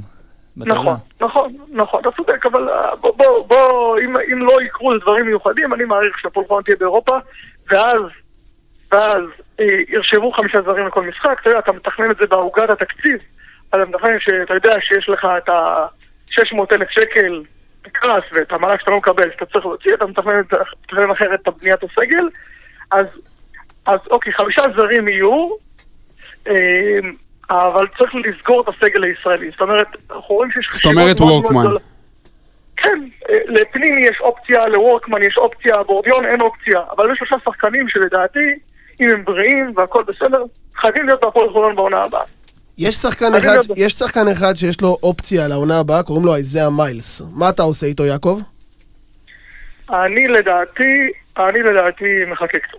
מחכה. אני יודע שסטפ מאוד מאוד אוהב אותו, אבל אני הייתי מחכה, זאת אומרת, זה לא, זה לא המהלך שעכשיו צריך לעשות בחודש פברואר. כמו שאמרנו, יש המון המון השלכות חיוביות, שליליות, להארכות חוזים. אתה צריך ללכת על דברים במקרים. זאת אומרת, ישראלים, שלושת הישראלים האלו שאמרנו עכשיו, זה דברים, אתה יודע שבכל מקרה, בכל מקרה צריך לפחות ארבעה ישראלים בכירים. קבוצה כמו הפועל רון צריכה ארבעה ישראלים בכירים לפחות. אז אם יש לך שלושה שאתה יודע שאתה רוצה אותם, כמובן בהתאם לדרישות הכספיות וליכולות הכלכליות, לך על זה. אתה צריך ללכת. ואז, ואז לאט לאט צריכים לטפל בזרים, קריס ג'ונסון זה זה אופציה ראשונה, ואחר כך גם השאר. יעקב, אתה יודע אם אה, יש לדדס אה, סעיף יציאה ליורוליג? למקרה שהוא יקבל הצעה באמצע העונה? או בקיץ הקרוב? אני לא, אני לא יודע על, על כזו אופציה, אבל זו שאלה מעניינת, אני לא יודע על כזו אופציה. אוקיי. טוב, אז אנחנו רוצים באמת להביט קדימה לכיוון אה, המשחק ביום חמישי הקרוב, החצי גמר גביע נגד מכבי תל אביב. אתה באמת בנית לעצמך מוניטין, ובצדק, של אחד שמצטיין בהערכות של תוצאות משחקים, למרות שמגי יחלוק עליך, אבל אה, בכל זאת, פעם אחת הוא יחלוק עליי, הוא- האם הסתלקתי הוא לא לא אמר, כן. אוקיי. בכל זאת, איך אתה רואה את, יחסי הכוחות בין הפועל חולון למכבי תל אביב בחצי גמר, בהנחה ויהיו חמישה זרים? טוב, אז אני מאמין שיהיו חמישה זרים, לפי מה שאני מבין, קצב הגיוס הוא תכף טוב, נקבל. תכף נקבל עדכון מדויק מההנהלה מיו"ר- לגבי... מיו"ר אה, המועדון איתן אנסיאנו שיעלה על הקו. לגבי אה, הסטטוס של הגיוס, אבל כן, ככל הנראה שזה הולך לכיוון חיובי. יופי, אז, אז באמת, ש- האמת שזו שאלה קשה מאוד. לפי איך שאני רואה את זה, הולכים לאיזשהו משחק צמוד. איזשהו משחק צמוד, וראינו שהשנה שנה מכבי תל אביב יש לה קצת קשיים במשחקים צמודים. למרות שמצד אחד הדברים שהם כבר עברו, ככל שקבוצה עוברת יותר משחקים צמודים, אז מצד אחד אם היא לא מצליחה אז יש לה לחץ, ומצד שני היא כבר מתורגלת. יעקב, לא-. יעקב, לא בגלל שאתה בפודקאסט של הפועל חולון, אנחנו רוצים את התשובה אה, האמיתית. כן, תראה איזה תשובה פוליטית הוא נתן, אבל נתן תשובה פוליטית, נעשה עכשיו, מתחמק. אבל כבר סגרו את. הרשימות, יעקב, סגרו את הרשימות, אתה לא יכול להיכנס לפוליטיקה. אני, אני חייב לראות עכשיו, אבל היה לפני המשחק, אבל אה, ברור שלא, ברור שלא. תן את אה, תן את הכיוון שאתה חושב שההתמודדות אנחנו רוצים את ה vision של יעקב מאיר. לא, אני הולך על משחק צמוד. התחזית, אני צריך עוד לחשוב על זה, תחזית זה נהיה פיית תחזיות בפיינל פור יום חמישי. מי בגמר? וואי וואי וואי. רגע, יעקב, וכל זה, אתה יודע, עוד פעם, בהנחה ויהיו חמישה זרים, אני כמעט בטוח שאם לא יהיו חמישה זרים, התשובה שלך משתנה לחלוטין. כן, אם לא יהיו חמישה זרים זה באמת... אה, זה באמת... אה, אבל עזוב, זה-. למרות שראינו נכון. שהתמודדנו איתם גם עם ארבעה זרים בצורה יפה נכון. מאוד, גם בגמר גביע ווינר וגם בליגה. שניצחנו אותם. ויש לי עוד שאלה. טי.ג'יי קליין בטוח ישחק במשחק הזה? לא, לא, לא, אני חושב ש... יאניס טרופול זוכר את שני המשחקים גם בליגה וגם בגביע ווינר שלא זוכרים איך זה היה. הוא ילך עם שחקנים, אה, לדעתי, שחקנים ש... שרצים כבר בקבוצה, שמתאמנים, טי.ג'י רק בסוף סוף השבוע, משהו כזה התחיל להתאמן איתם, תחילת השבוע הזה. אני, אני מעריך שהוא, שהוא לא יהיה בסדר. לפי דעתי זה תלוי גם בעומרי כספי, מה מצבו? הוא גם כבר מתאמן, כבר מתאמן, אבל עדיין, אה, לפחות לפי מה שאומרים, אז אה, עדיין מתאושש מאותו וירוס בבטן, ולא לא לוקחים איתו סיכונים עד שזהו אה, ממש עדיף- עדיף לא 100%. לס- עדיף לא לסכן אותו. עדיף לא אני לסכן חושב. שלמען הבריאות של- למען הבריאות שלו, יעקב, רגע לפני שאנחנו מסיימים, רק אנחנו באמת מחכים לתשובה. גמר, הפועל חולון או מכבי תל אביב, מי עולה? וואי וואי. איך אנחנו. שמים אותו בפינה, מה הוא חושב שיהיה לו פה נוח? תגיד בפיינל פה ביום חמישי, תעשה את זה בצורה קידומית. אה, אה, אני אומר, אין לי, אין לי כרגע איזושהי, אין לי כרגע איזושהי תחזית. טוב, זה כבר זה כבר תחזית טובה. זה שזה לא חד משחק משמעי, צמוד זה אני הולך. משחק צמוד זה אני הולך. אוקיי, אז משחק צמוד יעקב מאיר. יעקב, תודה רבה רבה לך, נהנינו לשוחח איתך, תמיד כיף, ואנחנו בטוחים גם שניפגש בקרוב. בטוחים במאה אחוז, יעקב, תודה. יאללה חברים, תודה לכם. טוב, אה, יעקב מאיר, אה, כרגיל חד, כרגיל אה, מעניין, אה, וסיימנו סיימנו את השיחה איתו במבט קדימה לגביע, אז בואו רגע נדבר על הגביע בהרחבה. יום חמישי, אה, גביע, חצי גמר נגד מכבי תל אביב, מאזן בין הקבוצות העונה 1-1 בכל המסגרות. אה, מחשיבים משחקי אימון? לא לא, לא מחשיבים לא משחקי מחשיב, לא מחשיב. אז אחד אחד בכל המסגרות. בוא רגע, אנחנו נחלק את הדיון שלנו לשני חלקים. בוא רגע נדבר על היריבה, נתכונן ליריבה. מכבי תל אביב טאבוך, ביטול מחזורי היורוליג אה, בגלל אה, חימקי ולא הגיע לפה, והנדולו לא הגיע לפה, אה, קיבלו סוג של מיני פגרה כזאת מהיורוליג, השלימו משחקי ליגה, דרסו את היריבות שלהם אנחנו- במשחקים האחרונים. לצערנו אנחנו יודעים שכשמכבי תל אביב מקבלת פגרה, אה, אנחנו היינו רגילים לזה בסופי עונות. הם אה, מתחברים, הם כן, זה אה, נכון. מתחילים להביס את היריבות שלהם גם, בעיקר בליגה, כי זה מה שיש להם. אה, ולמעשה בשלושה משחקים האחרונים, הם ניצחו ב-29 נקודות הפרש. וואו. בממוצע. אה, זה די אה, מפחיד. אבל אני סומך על הקבוצה שלנו. לא, אף אחד לא, אף אחד לא אומר שלא, אבל פשוט אומר שמכבי תל אביב חשוב לשים לב, אה, מגיעה בכושר מצוין. אה, אני חושב שהסגר הזה שמנע מהקבוצות יורוליג להגיע עשה להם רק טוב, נתן להם להיות שבועיים רצוף בארץ, בטח נתן להם עוד הרבה להם טוב, ימי ב- אימון. ב- בזמן לא טוב עבורנו. ברור שבזמן לא טוב עבורם, נתן להם ימי אימון, נתן להם צבור ביטחון.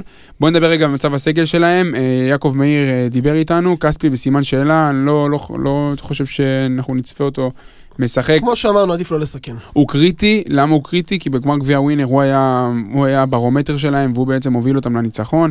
טי.ג'יי קליין לא צפוי לערוך בכורה, אם הוא היה עורך בכורה, לי באופן אישי זה היה מאוד מאוד כואב, אבל, אבל מזל שזה לא בגביע. יש לי תחושה שהוא ישחק דווקא. בוא נשאל שאלה רגע על מכבי תל אביב. אה, חבר'ה, אמרנו כושר טוב, אמרנו סגל, איזה חמישה זרים של מכבי תל אביב להערכתכם אנחנו נראה בחצי גמר הגביע? סתיו, נתחיל איתך.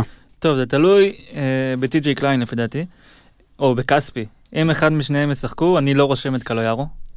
אה, וואלה? כן, ואני הייתי רושם את אה, אוטלו האנטר, אנטה זיזיץ', בריאנט, דורסי ווילבקין. חד משמעית. חד משמעית. במידה וכספי וקליין לא כשירים, עוד פעם, אה, עוד פעם, אה, אוטלו האנטר, ו... זיזיץ', בריאנט, דורסי, ווילבקין.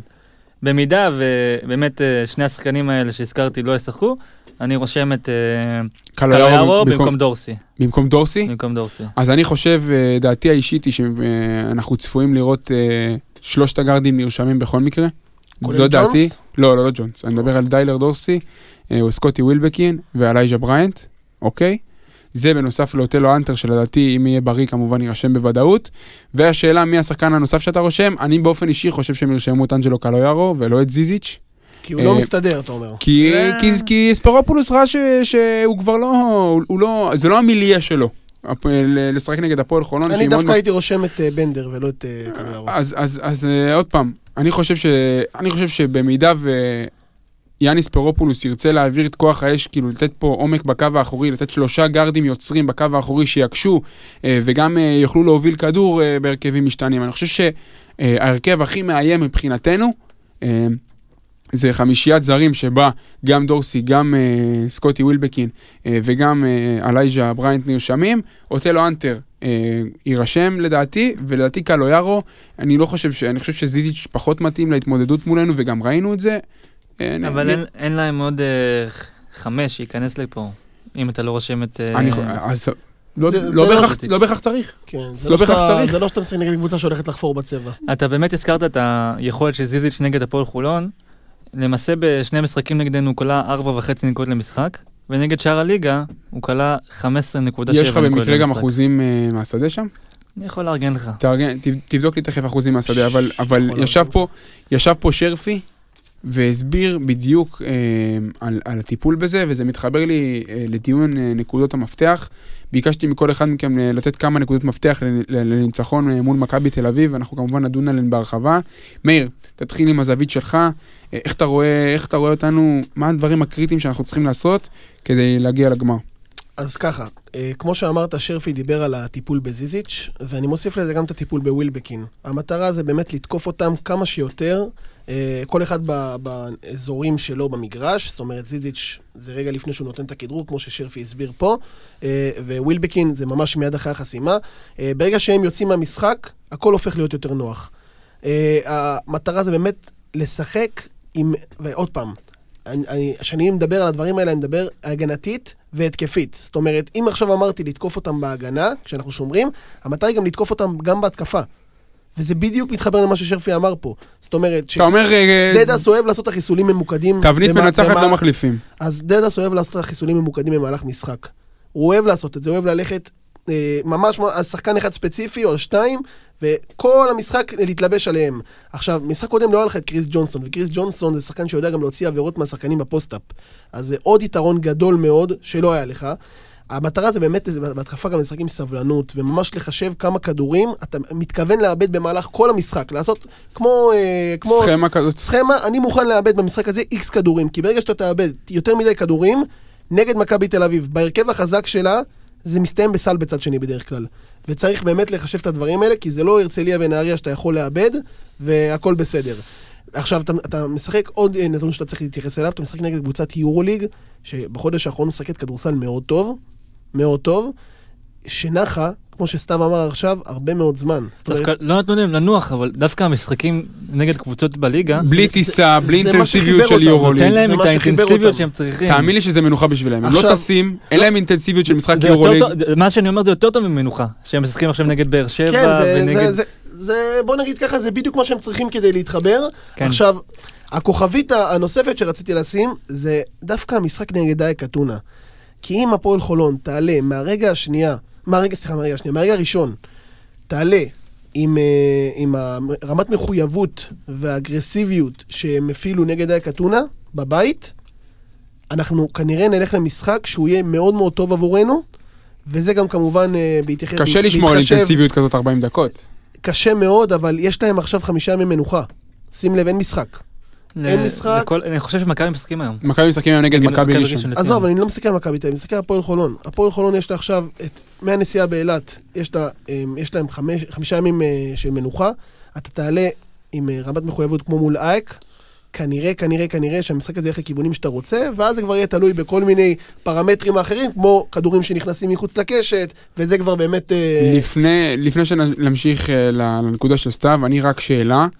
אנחנו מכירים את הדוקטרינה המאוד אה, מאוד אה, ברורה שיש לנו העונה ביורוליג, שסקוטי ווילבקין טוב, מכבי תל אביב מפסידה, שסקוטי ווילבקין פחות בולט, מכבי תל אביב אתה מנצחת. באמת רוצה שאני אענה לך על זה? אני שואל שאלה, אני שואל שאלה, האם מה שנכון למשחקים ההם, שבהם אה, המשחקים, רוב המשחקים בהם סקוטי ווילבקין סיים ככלה המוביל, מכבי תל אביב התקשתה לנצח, לעומת משחקים שהוא פחות דומיננטי וראינו יותר עלייה במשקל הסגולי של טיילר דורסי למשל, אני, אני ללא ספק חושב שאם סקוטי ווילבקין יעבור את ה-20 ונקודות, אנחנו לא נהיה במצב טוב, כנראה שנפסיד. אני, לא, אני ממש ממש לא צוחק, ואני בשיא הרצינות, אני חושב שווילבקין ביום שהוא טוב, זה כבר כאילו, ברמה הישראלית למה אני לפחות, שואל? כי ברמה למה אני שואל? כי עובדתית, זה הוכיח את עצמו. זה נכון, זה נכון. ברמה, ברמה, ברמת הליגה שלנו, ברגע שסקוטי ווילבקין מגיע, מגיע למשחק טוב, ואתה יכול להסתכל לאורך ההיסטוריה, משחקים נגד הפועל ירושלים, הפועל תל אביב, לעולם סקוטי ווילבקין לא היה טוב ומכבי הפסידו. נגד הפועל ירושלים כלה 29 נקודות ומכבי ניצחה,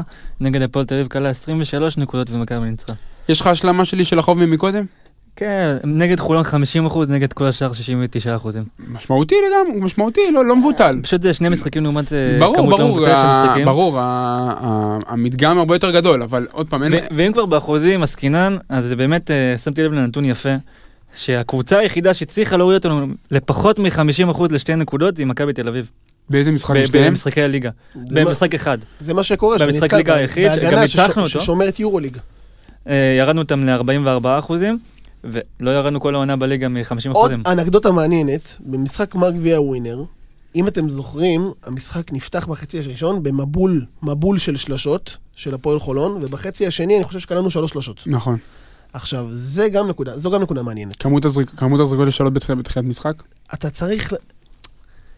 זה, זה מאוד טריקי, אבל כאילו גם אי אפשר גם לדבר על זה מראש, כי זה מאוד תיאור, תיאורטי, אבל אם אתה תצטרך לשמור על, על יכולת, יכולת התקפית אמ, שהיא לא מתפזרת, בטמפו שהיא קבועה. שהיא קבועה במהלך כל המשחק, ככה הסיכוי שלך להגיע לסוף עם, עם אוויר ועם, אה, אתה יודע, ועם... אבל כבר אני אפוצץ לך את הבועה, ואנחנו רואים שהפועל חולון זה קבוצה של אה, סטריקים. מה הכוונה? כן. יש לך ברבע אחד שמונה שלושות, ברבע השני שלוש שלושות. לא, לא, זה, כן, זה נכון, יש בזה משהו, אי אפשר, גם, אי אפשר לחלק דבר כזה מראש, זאת אומרת, לא, לעומת העיבודים, אתה לא יכול להגיד אה, על שלושות, אני, ברבע הזה נקלע ככה וככה שלושות וזה, אבל עוד פעם, ברמת הסדר והארגון של המשחק, צריך להיות באיזשהו- באיזושהי עננה, עננה כזאת, שאתה יודע מה אתה עושה, לשייט. כל התקפה, אתה יודע מה אתה עושה, אתה יודע לאיפה אתה הולך, אתה יודע כמה, כמה כדורים אתה מותר לך לאבד, וברגע שחרגת משם, אסור לך לאבד כדורים. אני רק שאלה אחרת, אני רק שאלה, התובנה שלי היא רק שאלה שאני מפנה אותה כמובן לשניכם, טבוך תהיה מרוכז. אה, אתמול ניהלתי, ניהלתי דיון טוויטר לילי עם אה, אחד אה, מהאנשים שאני באופן אישי יותר מחזיק מהם, אה, אנשי הכדורסל בטוויטר, אה, מעיין מור. אה, ובקשר לזה תובנה, ש... שאלה שרציתי לשאול. אני כתבתי לי במפתחות לניצחון, לא לפחד להשתמש בכלי של לחץ על כל המגרש, גם בשלבים מוקדמים יותר של המשחק. למה אני, למה אני אה, מתכוון? אני חושב שאנחנו עדיין במצב שגם עם חמישה זרים, בסט גיים, יש לנו פחות איכות ממכבי תל אביב, ב set game. אז אני חושב שאם אה, סטפנוס דדס, שכבר הוכיח גם נגד ירושלים בגביע ווינר, גם אה, מול, בדקות הסיום מול הפועל חיפה, למרות שזה בסוף לא הביא לניצחון, אבל הוא הוכיח שהפועל חולון- יכול- מסוגלת ללחוץ, לתת כמה, כמה דקות של לחץ על כל המגרש עם טרפים, ולהביא לריצה אבל אתה מסוימת. יודע מה הסיכון? אני, השאלה, השאלה היחידה שלי, היא עד כמה אתם חושבים שזה כלי שצריך להשתמש בו במשחק נגד מכבי תל אביב, במיוחד בהרכבים בלי סקוטי אבל. אתה יודע מה הסיכון? הסיכון הוא... תקבל מה, הס- שיפרצו לך את הלחץ? לא, זה- זה שהם יקלעו נקודות, הם יכולים גם לקלוע נקודות בסט גיים. הסיכון הוא שאתה תצבור עבירות בשלב מאוד מוקדם של המשחק. כשאתה לוחץ, גם ברוב המקרים אתה עושה עבירות. אתה יודע, יש דאבל אפ, יש, אה, יש פיזיות, יש לחץ, גם יש עבירות. עכשיו, אם פתאום מגיע, סתם דוגמה, מגיע לך בתחילת המשחק, שני עבירות ברבע ראשון, זה, זה, זה לא אחלה. זה לא סבבה, אתה לא רוצה את זה.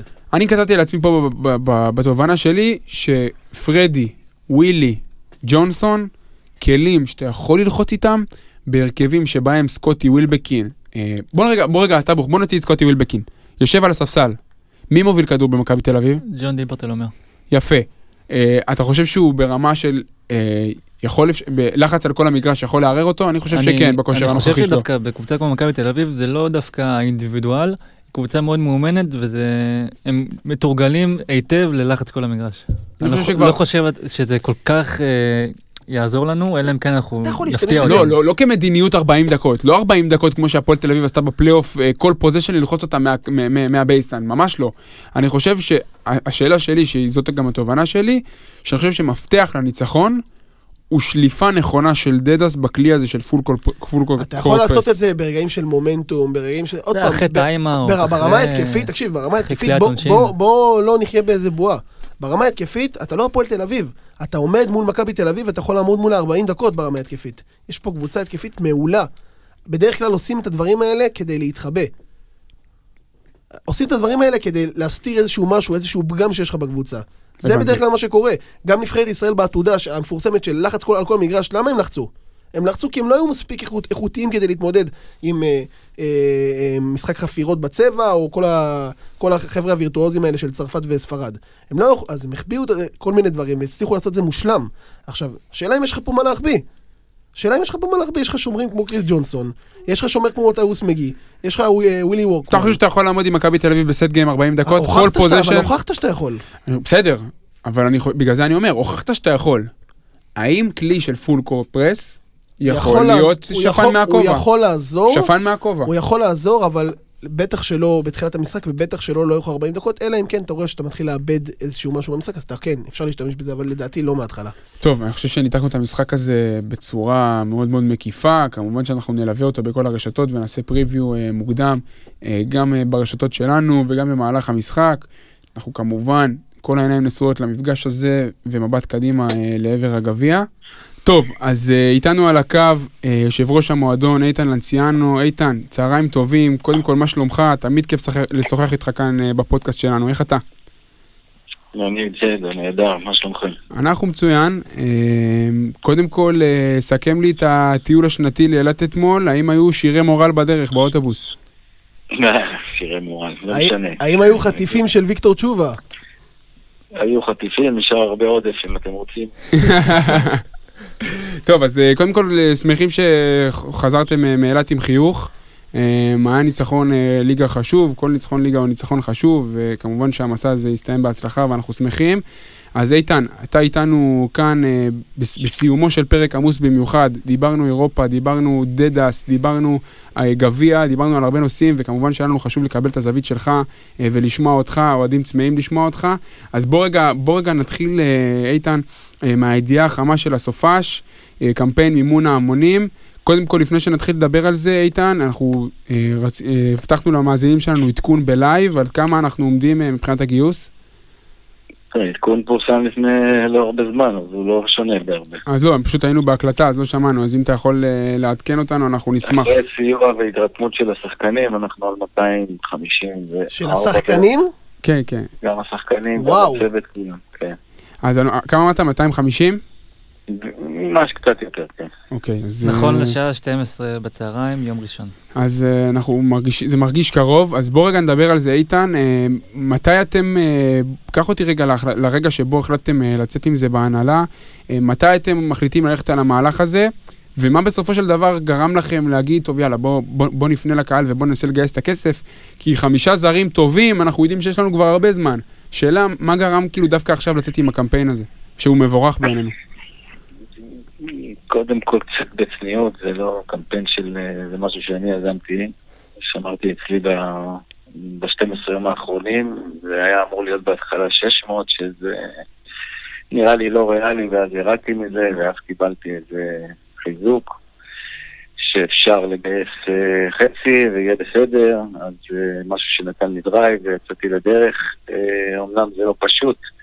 בימים כאלה, אתה יודע, אנחנו מדברים על סך הכל יומיים, כאילו, תוריד את שבת, אנחנו מדברים על, אה, על 40 שעות של אה, עבודה, שזה משהו מדהים, זה משהו, יש הירתמות נהדרת, גם של אנשים עם סכומים קצת יותר גדולים ממה שאנחנו מכירים. ש- זה עונה, על- כאילו- עונה, עולה על הציפיות שלך, פחות מהציפיות שלך, איפה, האם ציפית לכזאת הענות? לא, אה, זה לא מה זה ציפיות. אני לא חושב שיש מועדון בארץ, אה, כולל אה, גדולים, ואני לא סתם אומר את זה מידיעה, שיביאו מועדים כאלה סכומים בזמן כזה קצר. אני לא מדבר על, אתה יודע, אנשי עסקים שיפנו אליהם ישירות וזה, זה פה נגיעה ממש ב... מהאוהד של 50 שקלים ועד אה, עשרות אלפי שקלים. זה מרגש בפני עצמו. אה, זהו, זה הדברים הקטנים והגדולים שנותנים לך את הדרייב להמשיך ולראות שיש בשביל מי להתאמץ ול- ולתת את כל כולך, ושאפו גדול לכולם. איתן, הפתעת אותי עכשיו שאמרת את המילה שחקנים. אה, תספר לי איך זה קרה אצל השחקנים. הם זה- הבינו- זה הם מדהים, הבינו זה- איך הם- איך הם הגיבו לזה שהם הבינו שקהל שלם הגיע לסכום כל כך גדול בשביל- בכזה קצת זמן? תשמע, לא צריך להיות, אה, תראה, קודם כל, אה, אני צריך לספר לכם. אתם רואים שאתם אולי מכירים אותם אישית, אבל הם אנשים נהדרים, אתם רואים, אין מריבות, אין בלאגן, אין אה, שקט תעשייתי, אז זה מראה על האופי של האנשים, וברגע שאתה מחובר ואתה יודע שהצלחות חשובות לך, אז אה, אם נשים את הקטע של, אה, בוא נגיד שאם יהיה הישגים לאן שאנחנו רוצים להגיע, אז התרומה שלהם תהיה ב- בטלה ב-60 לעומת הבונוס שהם יקבלו. אני לא רוצה להגיד שזה השיקול, אבל... אה, זה יוזמה- שבאה מהם? תשמע, כי זה חסר תקדים, זה חסר רועי תקדים. הלך, עדכן אותם על המצב, ואז הם- המשיכו משם פחות או יותר לבד, עם יוזמה שלהם, כן, כל אחד מה שהוא יכול כמובן, כל אחד ב... גם יש שחקנים שעלולים להיפגע מהמהלך הזה, אל תשכחו.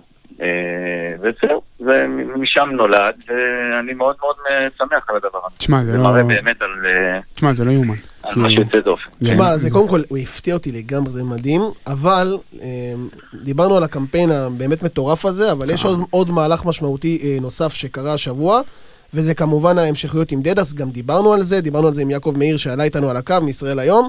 אה, אז רועי דבורה היה כאן לפני כמה שבועות, ואמר שלאחר שהמאמן יוחתם, יתחילו, יתחילו גם להתעסק בשחקנים. עכשיו, איתן, אנחנו שואלים אותך, האם יש כבר מחשבה כזאת, האם יש כבר שמות שרצים בראש לגבי שחקנים שאתם כן רוצים כבר לראות אותם ממשיכים שנה הבאה? מבחינתנו לעשות העתק- הדבק, אז זה לא כזה חוכמה גדולה להיות, אה, אתה יודע. וברמה הריאלית? איזה נביא. ברמה הריאלית זה ברור שצריך להחתים את המאמן בשביל להתחיל לדבר עם שחקנים. אתה לא יכול... אה, יותר קל, יותר אה, מסודר, יותר הגיוני לעשות את הדבר הזה. ואני מניח שנתחיל, אין לנו סדר עדיפות, זה הראשון, זה השני, זה השלישי, באמת שלא. אה, אנחנו נתחיל לעבוד על זה, כן, ו- בהחלט שכן. ובאמת היו שמועות עד לא מזמן שיש לדדס הצעה מפנתנייקוס, למרות שזה לא באמת אה, כנראה היה אמיתי. יש לו בחוזה סעיף יציאה ליורוליג? אה, יהיה לו סעיף כזה, אנחנו, גם אם לא יהיה לו סעיף כזה ויהיה יורוליג, ראו במקרה דן שמיר, אה, הוא ישוחרר. זאת אומרת, בוא, בוא נשים את הדברים על דיוקם. גם אם זה יהיה לא באמצע משנה, העונה? עם סעיף או בלי סעיף, אנחנו לא נמנע מאף אחד להתקדם. אנחנו, לא, אני אסביר לך למה אנחנו שואלים את זה, איתן, כי כמובן הפועל חולון אה, בנתה את עצמה בשנים האחרונות כאחלה פלטפורמה לקידום של שחקנים לרמות הגבוהות, וזה משהו שאני מאמין שבהנהלה גאים בו, וגם האוהדים גאים בו, אבל כאילו למשל, אני לא, כמובן אנחנו צופים את העתיד, אבל למשל אנחנו מסתכלים על קבוצה כמו הפועל ירושלים, איך מהלך כזה של עזיבת מאמן באמצע העונה השפיע עליה, האם זה משהו שאתם אומרים, לא, לא, לא יהיה באמצע העונה דבר כזה בכל מקרה, זה לא משנה. הבנתי. זה זמן, אה, זה זמן סביר, צריך להודיע, זה בטח חודשיים לפני תחילת הליגה, אם לא יותר אפילו, לא יקרה מצב כזה. אז אה, רק, רק. בקיץ. אם אה, יקבל הצעה בקיץ, כן, אז כן, הבנתי. כן, משהו הגיוני, כן, שאפשר לבנות קבוצה, אתה יודע, צריך טווח אה, תגובה. טוב, איתן, אנחנו יודעים כבר שהשבוע הזה הוא מתוח לא רק בגלל הקמפיין, אלא גם בגלל חצי גמר גביע ביום חמישי נגד מכבי תל אביב, אנחנו כולנו כבר מתוחים ומחכים. יודעים גם כמה הגביע חשוב לו באופן אישי לאיתן. אה, לגמרי, אה, ואני ככה שואל אותך, איתן, אה, בתור יושב ראש המועדון, אחרי ההפסד בגמר גביע ווינר, איך מתכוננים מחדש למשחק על כל הקופה נגד מכבי תל אביב, גם לא רק ברמה המקצועית, גם ברמה המנטלית, מה השחקנים חושבים, איך החבר'ה במועדון מתנהלים עכשיו לפני המשחק הזה? תראה, זה יהיה כזה בנאלי להגיד אה, מתנהגים כרגיל, כי זה לא, אבל אה, ממחר אני חושב שהיום יש להם יום חופש, ממחר אנחנו... אה, אני כל כולי התרכזתי בנושא של הרישום של חמישה זרים, אני מקווה מאוד שהיום לקראת אחרי צהריים זה יסתיים ונתחיל לגבות את הכסף, כי זה גם עבודה בפני עצמה.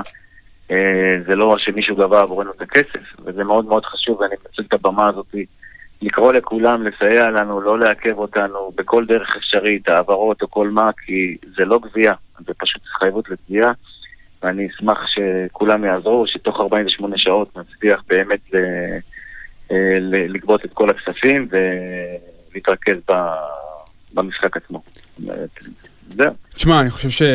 תשמע, אני חושב שזה אחד הדברים... אה, איך, לא יודע, אני לא רוצה להיות קיצ'י ולהגיד מרגש, אבל כאילו, תשמע, יש פה... יש פה איזו אמירה, יש פה איזו אמירה של הקהל, ואני חייב גם להעלות עוד איזה נושא, ש, שאתמול בטוויטר אני הגנתי, ו, וכמובן פרסמתי את המהלך גם דרך החשבון האישי שלי וגם דרך החשבון של הפוד, והרבה אה, אוהדים, אה, בוא נגיד ככה, מקבוצות אחרות ישר קפצו ואמרו, כן חמישה זרים, לא חמישה זרים, כן ישראלים, לא ישראלים. הפועל חולון, אה, ותקן אותי אם אני טועה, איתן, זה מועדון שרוצה הצלחות, כמו כל המועדונים, ואני חושב שכבר אנחנו לא בעידן הזה של אה, מסתכלים על תעודות זהות או דברים כאלה, ואני חושב שזה מסר שחשוב להעביר, שזה, שהמהלך הזה מעביר את המסר הזה בצורה חד משמעית. חד וחלק, אני אין לי מה להוסיף על מה שאמרת, הכל נכון, הכל אה, אמיתי. הפועל חולון רוצה ומעוניינת להתמודד על כל התארים, היא בדרך לשם, יכול להיות שייקח עוד שנה, יכול להיות שיהיה פחות כישלונות, יותר, יותר הצלחות, אבל בשורה התחתונה זאת הכוונה.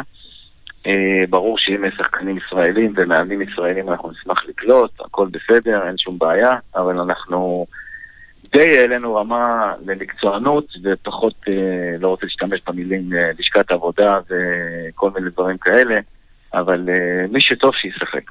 אז אני, אז אני לגמרי, לגמרי מתחבר למה שאיתן אמר עכשיו. אני גם צייצתי בטוויטר לא, לא מזמן, ביום, ביום החתימה של דדס, צייצתי אה, בנושא זה שהרבה מאוד אנשים, אחרי החתימה של דדס, אכלו את הכובע. כי אנחנו בוא, אנחנו לא חיים בעולם מנותק, אנחנו שומעים שידורים בטלוויזיה, איך מדברים עליו במהלך משחקים. אנחנו רואים איך אה, מתייחסים אליו, עוד, עוד פעם, בכל החונטה של המאמנים. אנחנו מסתכלים, אנחנו רואים את הדברים האלה, וביום הזה, הרבה מאוד אנשים אכלו את הכובע כי הוא ראו מאמן שלא עומד בקריטריונים במרכאות של מה שהם מבקשים, אבל הוא מצליח, והוא עושה עבודה טובה, והוא העלה את הקבוצה הזאת פעם ראשונה לטופ 16 של ליגת האלופות, והוא נותן עונה נ- באמת מדהימה בליגה. בלי עין הרע, בלי עין הרע, ואיתן, מה דעתך על זה, באמת על האכיל- אכ- אכילת הכובע הזאת? של... אני לא מחפש, באמת שאני לא שם לחפש אכילת כובע, לא אכילת כובע. תשמע, הוא הגיע, לדעתי ההישג שלו בליגת האלופות שנה שעברה יותר, יותר גדול. אתם אה, תסביר. אולי אה, לא תבינו מה אני אומר, אבל אתם זוכרים איך הוא קיבל את הקבוצה? כן. 30 הפרש למכבי חיפה. לא, לא, ואיך הוא קיבל את הקבוצה בליגת האלופות. ולהביא אותה למצב של סל. אחד... אה, לכלום. ובתכלס, אם לא פוסט קצת חכם, אנחנו שם כבר שנה שעברה. מהמם. ב-14 משחקים. אבל עזוב, באמת, בואו בוא נהיה אנחנו מקצוענים, הכל טוב ויפה, שחקנים טובים ישחקו, מאמנים טובים יאמנו, לא חשוב התעודת זהות שלהם, זה הכי חשוב. תן לנו לסיים היום את המשימה היוצאת דופן הזאת ולהתרכז בחצי גמר. אנחנו זהו, כ- אנחנו אני כמובן... מפה אה, מודה לכל מי ששם יד וכל מי ששם אה, אה, כתף לעזור במבצע המדהים הזה. אה, אני מקווה שבשעות הקרובות אנחנו נשלים את הסכום הזה, ומפה אני קורא לכולם, שוב, לעזור לנו בגבייה כי זה מאוד חשוב. איתן לנציאנו, יושב ראש המועדון, אה, מודים לך שהצטרפת אה, על הקו, ומאחלים כמובן בהצלחה בקמפיין, הצלחתכם, הצלחתנו, אה, וגם כמובן במשימה בגביע. תומכים מרחוק ומעריכים, תודה רבה. תודה לכם, בהצלחה, ביי ביי. טוב, זה היה יושב ראש המועדון איתן לנציאנו, הרבה דברים מעניינים, גם הוא, גם יעקב מאיר. תשמע, היה אחלה פרק היום. תשמע, היה פרק. התחלנו עם ההגדה של פסח, ואנחנו מתקרבים לפורים. עשינו, עשינו 360 של השנה. אה, האמת שבאמת נהניתי היום. תשמע. אחלה של פרק. נהניתי כי התגעגעתי גם לאולפן, נהניתי כי התגעגעתי לפרקים, נהניתי כי היה לנו פה אנשים מעניינים ודיונים מעניינים, נהניתי שיש גם אקשן, יש אירופה, יש גביע, יש אה, BCL, יש הכל, יש אה, גביע, יש הערכות חוזה, יש קמפיין מימון המונים, אז יש המון על מה לדבר. טאבוך, איך אתה הולך להמשיך את השבוע שלך? לראות, אין אין כדורסל השבוע כמעט. כן, שבוע גביע, זה פגרה. וואו, כן. לא יודע, נמצא משהו. תמיד יש את הליגה הקוריאנית. יפה. בנימה זאתי, אנחנו נסיים, מאחלים אה, שבוע מוצלח לאוהדי הפועל חולון, אה, נקווה ונעדכן לסיומו של קמפיין מימון ההמונים, וכמובן עם הראש לגביע, יאללה ביי. חולון זה הסטייל, חולון זה דיבור, חולון זה חול שרמוטה וואלה אני מכור. חולון זה הסטייל, חולון זה דיבור, חולון זה חול שרמוטה וואלה אני מכור. אני מביא פה את הסטייל של חולון. חולון זה אטלנטה חולון זה אטלנטה אני מביא פה את הסטייל של חולון. חולון זה אטלנטה חולון כן אטלנטה